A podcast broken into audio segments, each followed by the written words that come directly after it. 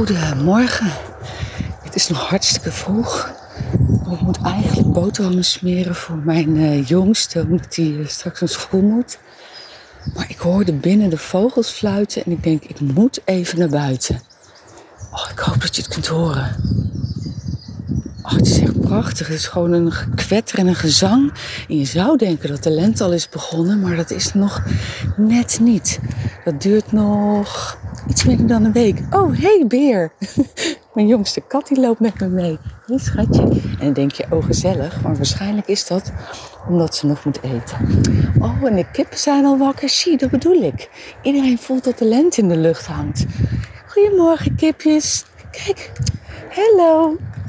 Oh, zalig. Oh, pak, pak. Ja, iedereen. Oh, kunnen jullie ook wat zeggen? Ja, oh, gezellig. Oh. Hoor die vogels? Het is echt gek weer. Er hangt regen in de lucht. Het heeft net ook geregend. En toch voel je dat ook de lente in de lucht hangt. Ik kan het moeilijk omschrijven. Maar alles is tot leven aan het komen. De, de, de bomen lopen uit. Het gras groeit weer. Eh, de vogels fluiten s morgens weer harder. Nou, de kippen zijn dus vroeger van stok. Hmm, de katten zijn weer meer buiten. Dat soort dingen.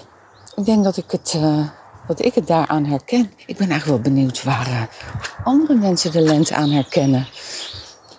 ik moet ineens denken aan, je hebt toch ook ergens in het jaar eh, de rokjesdag of zo. Dat, dat iedereen voor het eerst een rokje aantrekt. Ik weet eigenlijk niet precies waar het over gaat. Maar dat is ook zo'n lekker idee, dat iedereen weer met blote benen buiten is. Hmm, ik heb er zin in.